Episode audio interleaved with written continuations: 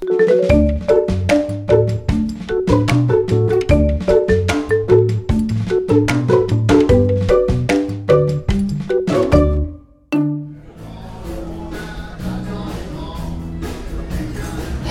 och välkommen till ett nytt avsnitt av Blödigt värre.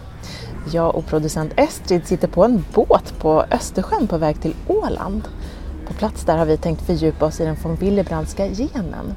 Von Willebrands sjukdom är ju den vanligaste ärftliga blödningsrubbningen och drabbar både kvinnor och män. Man brukar säga att ungefär en procent av den svenska befolkningen har den. Men om den siffran gäller på Åland, det vet jag inte. Det får vi ta reda på.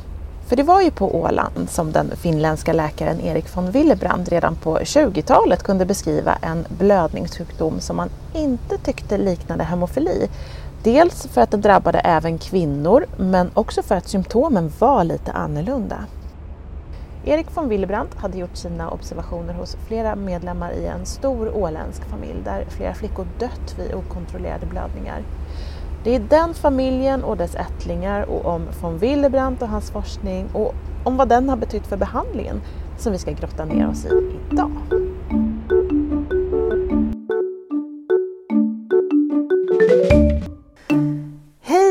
Anders Ingves! Eh, du är pappa till Wilhelm som vi träffades i våras när vi ville kolla hur det funkar att vara elitidrottare och blödarsjuk. Wilhelm är ju fotbollsstjärna. Eh, och det var då vi kom på att vi ville komma hit till Åland. Tack för att du tar emot oss. Ja, ni är jättevälkomna.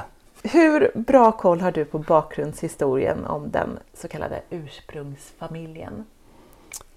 Om vi går tillbaka 25 år eller 27 år då när Wilhelm föddes. Ehm, då hade jag hört om eh, att det fanns eh, en åländsk blödarsjuka. Mm. Så kallad. Men det var allt jag visste. Idag vet jag väl lite mer. Det visar sig också att min släkt och min hustrus släkt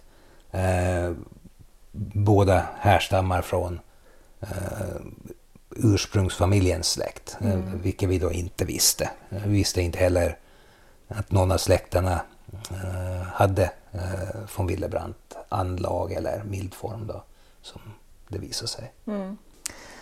Välkommen också Dag Nyman. Du är också ålänning men det är inte därför vi ska prata med dig idag. Du är en av världens främsta forskare inom borrelia men har också forskat om blödarsjuka. Ja, tack. Kan inte du börja med att berätta lite om ursprungsfamiljen? Mm. Ursprungsfamiljen fanns på Fögle i Ålands södra arkipelag. Där hade en familj med många barn redan haft flickor som i tidig ålder dött av blödningar och hade ytterligare en som hade svåra blödningsbesvär. Och 1924 for familjen till Helsingfors för att konsultera en barnläkare som då också intresserade sig i blodsjukdomar, som hette Erik von Willebrand. Han var då docent på eh, barnsjukhuset i Helsingfors. Och han greps av historien och gjorde en eh, mycket noggrann genomgång av familjens historia, släkten, blödarsjukans symptom och han kunde då differentiera den här blödarsjukdomen från Åland ifrån det man tidigare visste. Man kände till det som nu för tiden kallas hemofili. Mm. Han kunde säga att det här var ingen hemofili. Det var ingen brist på trombocyter och eh, det skilde sig från någonting som man kallade trombasteni, en trombocytfunktionsstörning som man också kände till 1920-talet. Så det här var en alldeles ny sjukdom. Om jag skjuter in där, när, när vi fick veta då att eh, ursprungsfamiljen fanns på Fögle så for Bettina och jag dit och gick bland annat på kyrkogården och såg stenarna där, eller stenen över familjen med en rad med eh, flicknamn eh, som alla hade dött väldigt, väldigt tidigt. Och det, det präglade oss. Så vår bild då av von Willebrandt, eh, så blev den första bilden så blev eh, hur länge kommer vi att få ha Wilhelm? Ja, förstås. Eh, och, och det intressanta då också när vi läste vad, vad som fanns så var det ju, allt var ju historiskt beskrivet. Eh, vilket gör att snittålder var vad snittåldern hade varit och sånt här. Så det gav en väldigt eh, mörk bild. Eh, i, istället för när vi kom lite längre in och fick träffa sådana som Dag och Margareta Blombeck och Pia Petrini och sådana här som pratar framåt. Eh, där det blev en helt annan bild. Och, och, och nyttan av att också ha fått träffa några ur ursprungsfamiljen som ju pratar bakåt mest.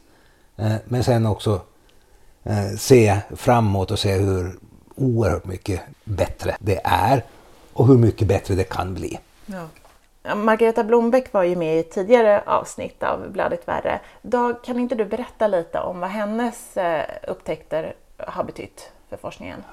Det Margareta Blombeck var med och gjorde så var att visa att man kunde korrigera blödningarna hos en som kallades åländsk blödare med hjälp av ett faktorkoncentrat man gjorde då för eh, behandling av hemofili A.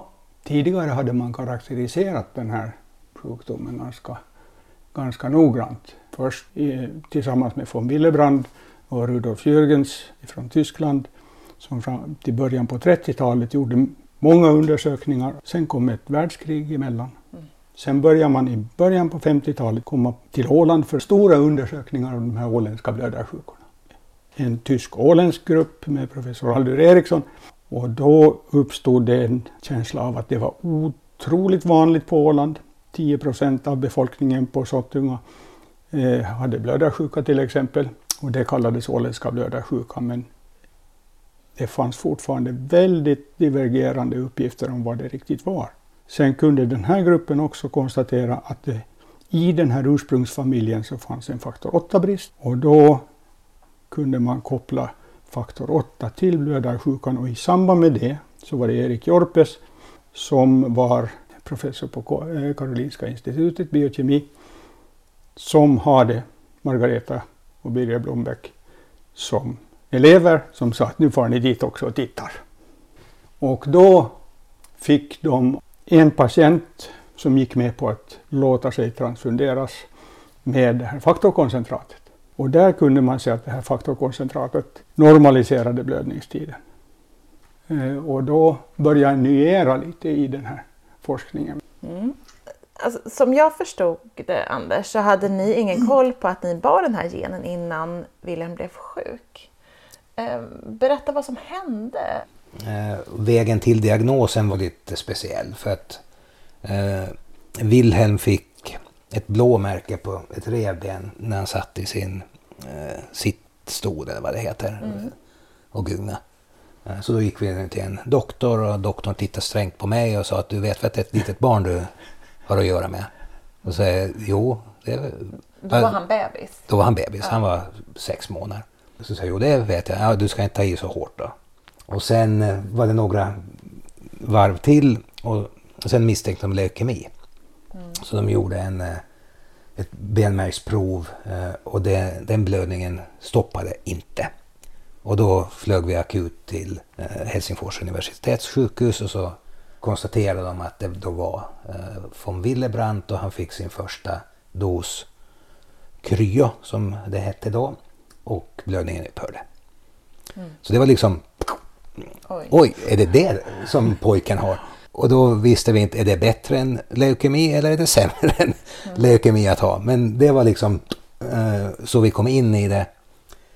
Och då satt vi och pratade med någon kurator som frågade att ha eh, har ni långa blödningstider i familjen? Och så sa vi, ja det vet vi ju inte men det sägs i min familj att eh, man får lätt blåmärken. Och så sa Bettina, ja men det har, vi, det har varit i vår släkt också. Och så var det att kvinnorna har eh, kraftig menstruation i båda släkterna.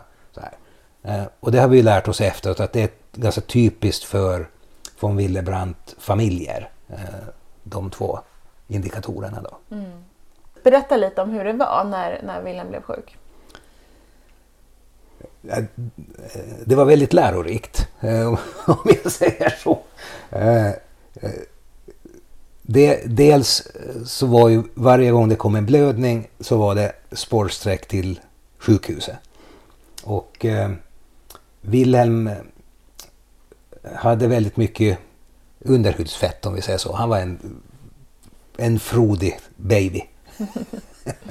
så han var lite svårstycken dessutom. Så det var, var lite traumatiskt att, eh, att komma in. Eh, dels stressen att det blödde och i början hade vi ingen aning om om det skulle gå att få stopp på blödningen. Eh, och sen var han lite svårstycken och så här.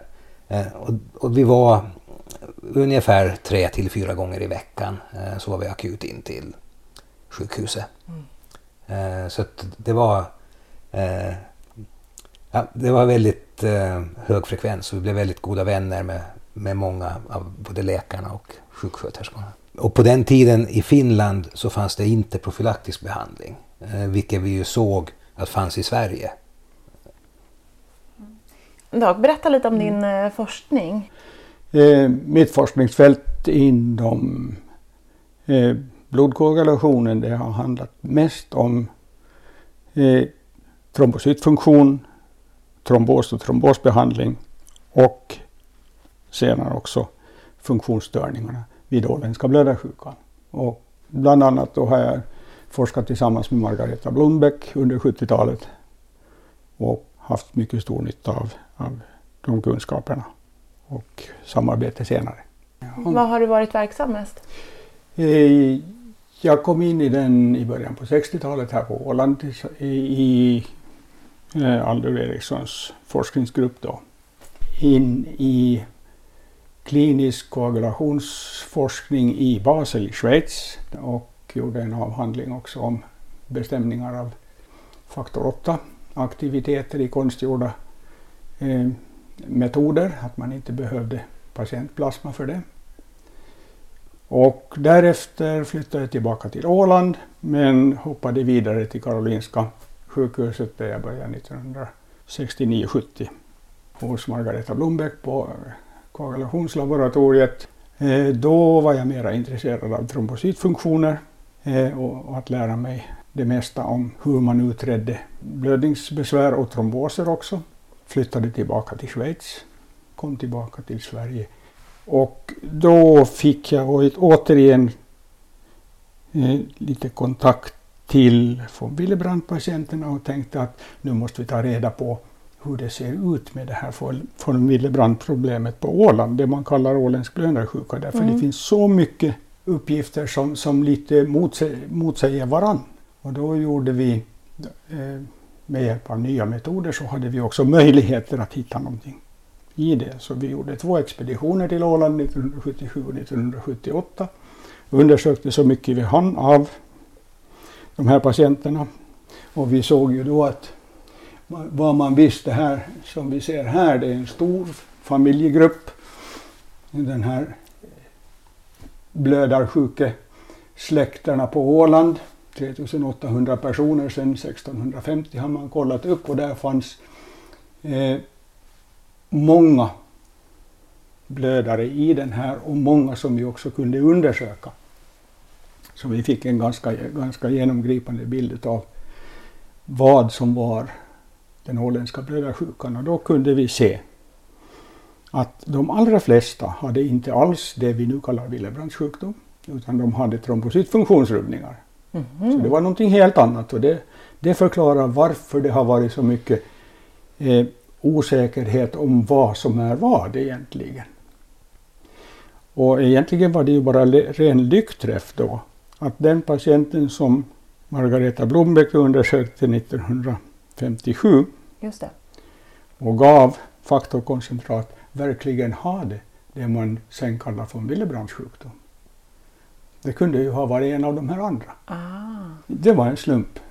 Men vi hittade också det man då hade definierat som von Willebrands sjukdom med hjälp av nyare undersökningsmetoder.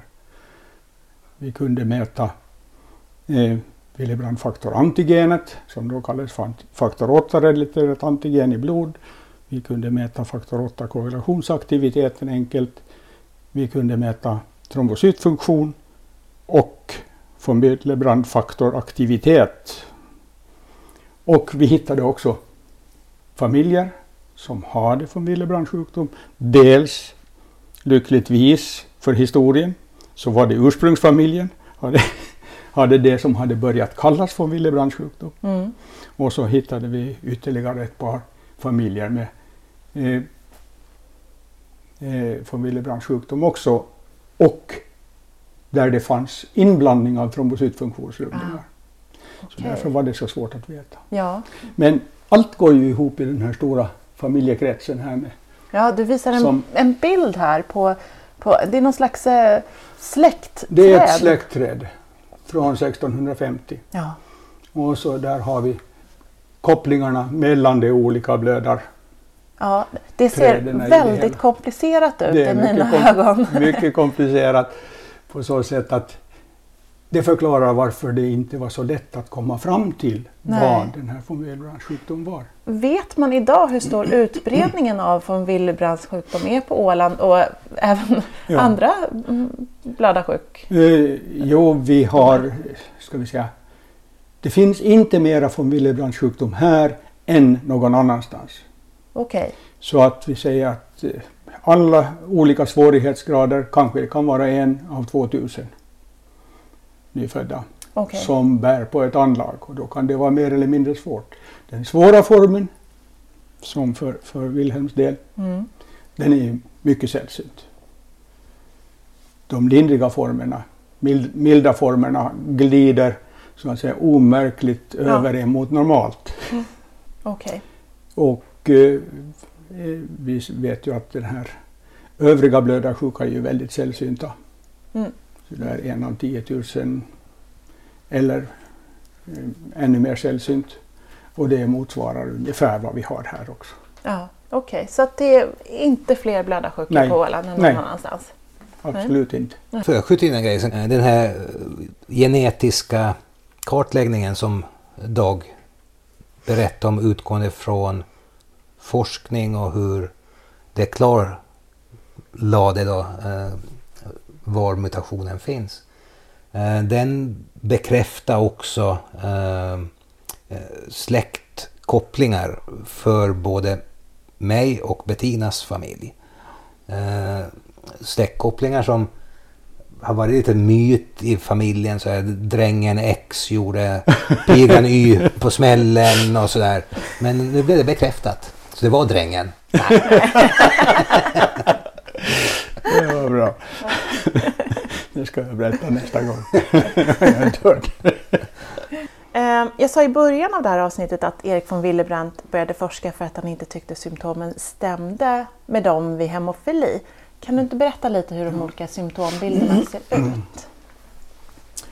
Eh, Vid hemofili så, om vi nu nöjer oss med den svåra formen, så det är hemofilier, så blöder man inte av småsår, man blöder inte av stick, man kan klara en operation fram till följande dag. Sen kommer blödningen. Vid fomi- och det är därför att vid hemofilier så är enbart blodkoagulationen störd. Den första eh, blodstillningsprocessen, så det sker med trombocyter och blodkärl. Och det fungerar helt normalt Ja. vid hemofili, så man ser det inte så lätt. Men det kommer efter. Mm. Vid Willebrands sjukdom, där är den första, de första reaktionerna mellan trombocyter och blodkärl störda. Plus att det finns en koagulationsdefekt också. Ah. Där börjar blödningen tidigt. Genast efter ett stick. Ett stick fortsätter att blöda. Istället för att blöda fem minuter blöder man 30 minuter eller mer. Mm. Just det. Eh, sen så är ärftligheten olika. Det upptäckte också eh, von Willebrand. Han var noga med att kolla upp släktanamneser och så vidare. Eh, vid hemofilin är det eh, bundet till X-kromosom. Alltså det är könsbundet ärftligt. Mm. Medan von Willebrands sjukdom är bundet till kromosom 12 och har ingenting att göra med kön. Det, går, det slår lika. Ehm, är det inte också det här med att slemhinneblödningar är vanligare i vid von Willebrands sjukdom? Ja. Sen det, det, och det är ju därför att ytliga skador får man lättast i slemhinnorna. Slemhinnorna är sköra. Så att blödningssymptom kommer lätt där slemhinnan blir lite skadad. I munnen, i näsan till exempel. Och så har vi menstruation för, för kvinnor. Just det. Eh, Anders berättar ju att när Wilhelm blev sjuk på 90-talet så fanns det inte någon förebyggande behandling i Finland och här på Åland trots att det fanns att tillgå var standard i Sverige. Hur kom det sig? Eh, det kom sig av att eh, i Sverige så började man med förebyggande behandlingen i början på 70-talet och då var det tidigt. Det var väldigt tidigt. Jag var med om att, att lära patienterna injicera sig själva. Och det såg vi ju att gjorde en väldigt stor skillnad i hur deras livsföring gestaltar sig. Och man visste ju inte om det skulle förebygga det som Anders tidigare talade om, nämligen att rullstol ligger nära. Eh, vid 15 års ålder satt de svåra blödarna i rullstol på grund av så många led och muskelblödningar som hade invalidiserat dem. Man började få en känsla av att det gjorde det och då visste vi ju här att det här pågick fortsättningsvis på Karolinska. Så det var enkelt att ta kontakt dit och få till stånd det här profylaxprogrammet via mm. dem. Får jag skjuta in en grej där? Ja. Eh, vi, för oss, alltså Wilhelms familj, så var det jättetur att vi råkade bo på Åland. Dels för att Dag fanns här, eh, dels för att Åland hade kontakterna också till Karolinska så att vi kunde få vård där istället. Wilhelms situation var ju att han var på gränsen mellan akut och profylaktisk i och med att han, vi var in tre, fyra gånger i veckan på, för vård. Eh, så att, så att det blev nästan som, som profylaxen i Sverige, bara att det var akut för Wilhelm. Vilket också gjorde det lättare i de diskussioner som fördes då med eh, hälsoministeriet i Finland för att de ändrade och sa att eh, profylax blev okej. Okay. Men det tog några år eh, och där den finska patientföreningens sekreterare som hette Pet, eh, då hette Peter Molander och jag vi, vi höll på och drev den här frågan och sen vet jag att Dag och några andra av läkarna här på Åland fanns med i bakgrunden och stötta förflyttningen till profylax. Men Anders, du har ju berättat för mig att ni körde lite med huskurer och, så. Kan du inte berätta vad var det för huskurer? För Wilhelms del så var det väldigt mycket näsblödningar de, och det kom spontant. Um, och det var, vi fick olika tips. Så ett tips uh, som vi fick var att gå till slaktaren för att köpa fläsk. Uh, så gris sida. Och sen skar vi det i lämpliga tamponger uh, och satte in i frysen. Och när näsblödningen kom så då hade vi också fått kollagenpulver. Så att vi eh, strödde lite kollagenpulver på toppen av fläskbiten och så stack vi upp det i näsan på Wilhelm. Eh, så att det blev både kyla och kollagen och press. Eh, men det tinar ju. Fettet tinar ju ganska snabbt. Så vi måste tejpa fast det också så att han, han såg ju inte klok ut. Med fläskbitar upp i näsan och tejp ut på kinderna. Eh, och sen är det tveksamt, sen är det tveksamt hur, om det var jätteeffektivt. Men eh, vi upplevde att det var värt att eh, pina pojken med det. Ja, idag ja. behöver man inte stoppa upp fläskbitar i näsan längre i alla fall, mm. eller hur? Nej. Ja, men om vi går tillbaka till dagens behandlingsmetoder då. Var finns det koagulationscenter idag? Är det här på öarna eller på fastlandet? För, för Wilhelms del, eh, och sen i och med att vi går till dagens nu, för det här med fläskbitarna, det låter ju som några sekel bort. Och det var ju faktiskt förra seklet, men det var på 90-talet. Ja. uh, Wilhelm har haft sin vård på Karolinska och Karolinskas uh, koagulationscenter. Okay. Det finns ett enda koagulationscentrum i Finland, Helsingfors. I Sverige var det Karolinska som vi fortfarande har möjligheter med, men nu har Uppsala en del, däremot riktig blödarbehandling ännu i Karolinska. Vi har Malmö och Göteborg. Mm. Så eftersom det inte är så rysligt vanliga åkommor och behöver specialkunskap och speciallaboratorium så är det bra att det koncentreras. Nu fungerar samarbetet över gränserna mycket lättare än förut. Och Eh, vi har också kunnat hela tiden uppdatera kunskapen här. Om jag får skjuta in där. Eh, som, som förälder så, så upplever jag att eh, eh från det att Wilhelm eh, kom in i den här världen eh, så har ju det stöd vi har fått på Åland varit exceptionellt.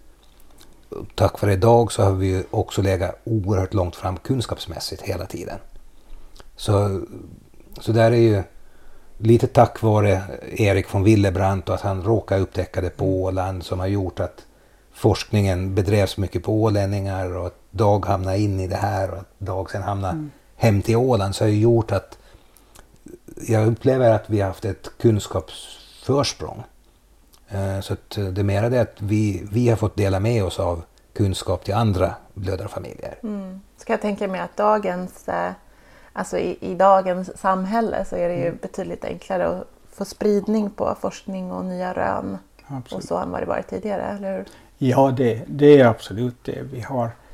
Eh, det, det, är inte mera en esoterisk kunskap, alltså kunskap bara för invigda med koagulation, vilket förekom mycket mer förut än nu.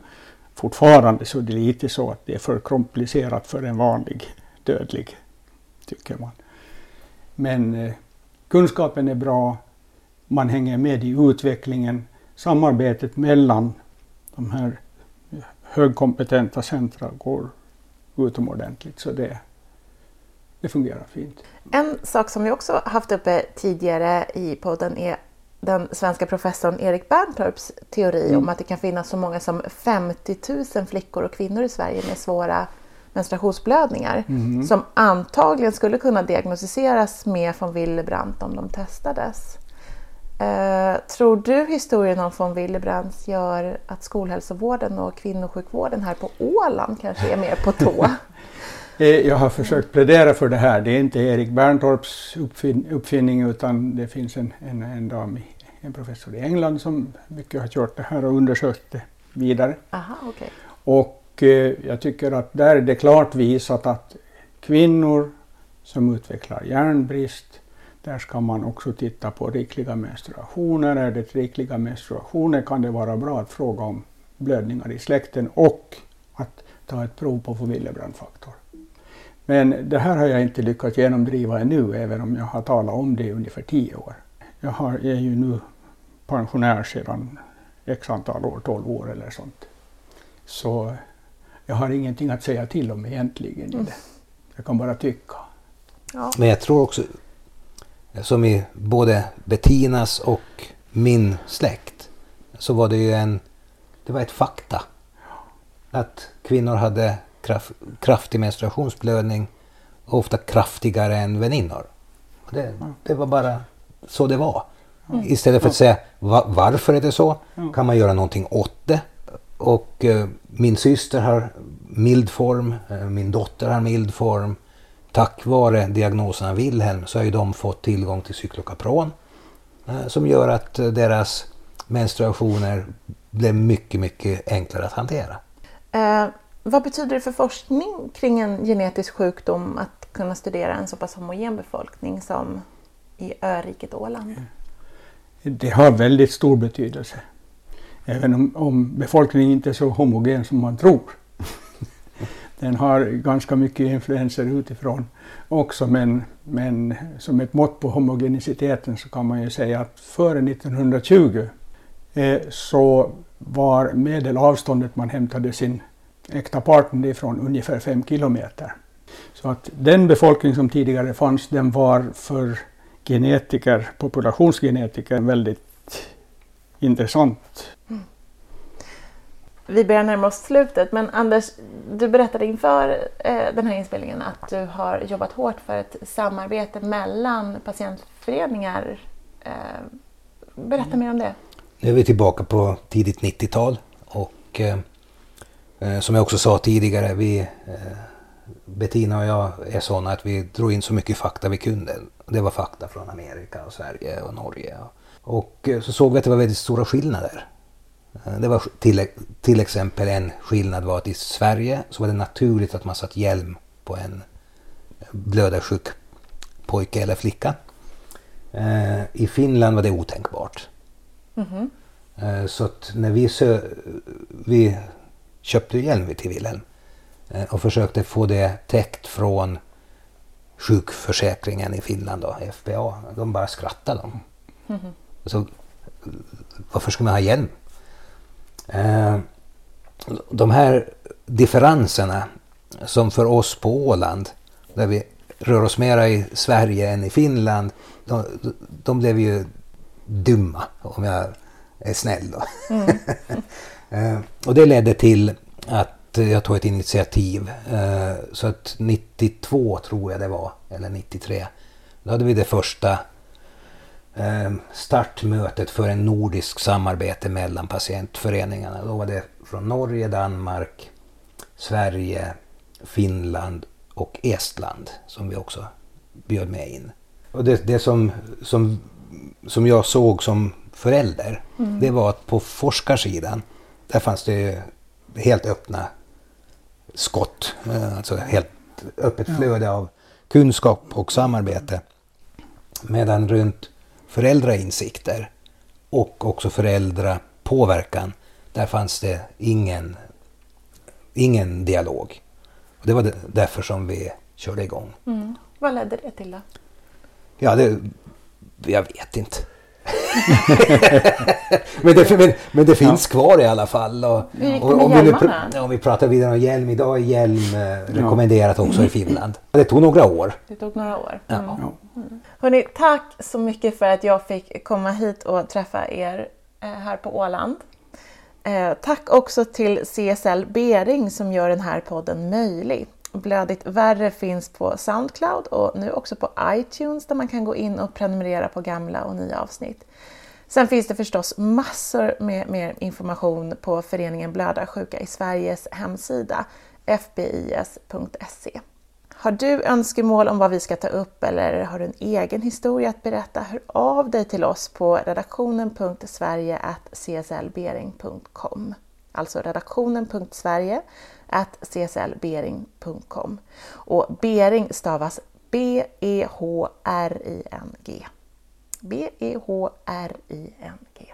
Och producent för den här podden är Estrid Bengtsdotter. Tack och hej!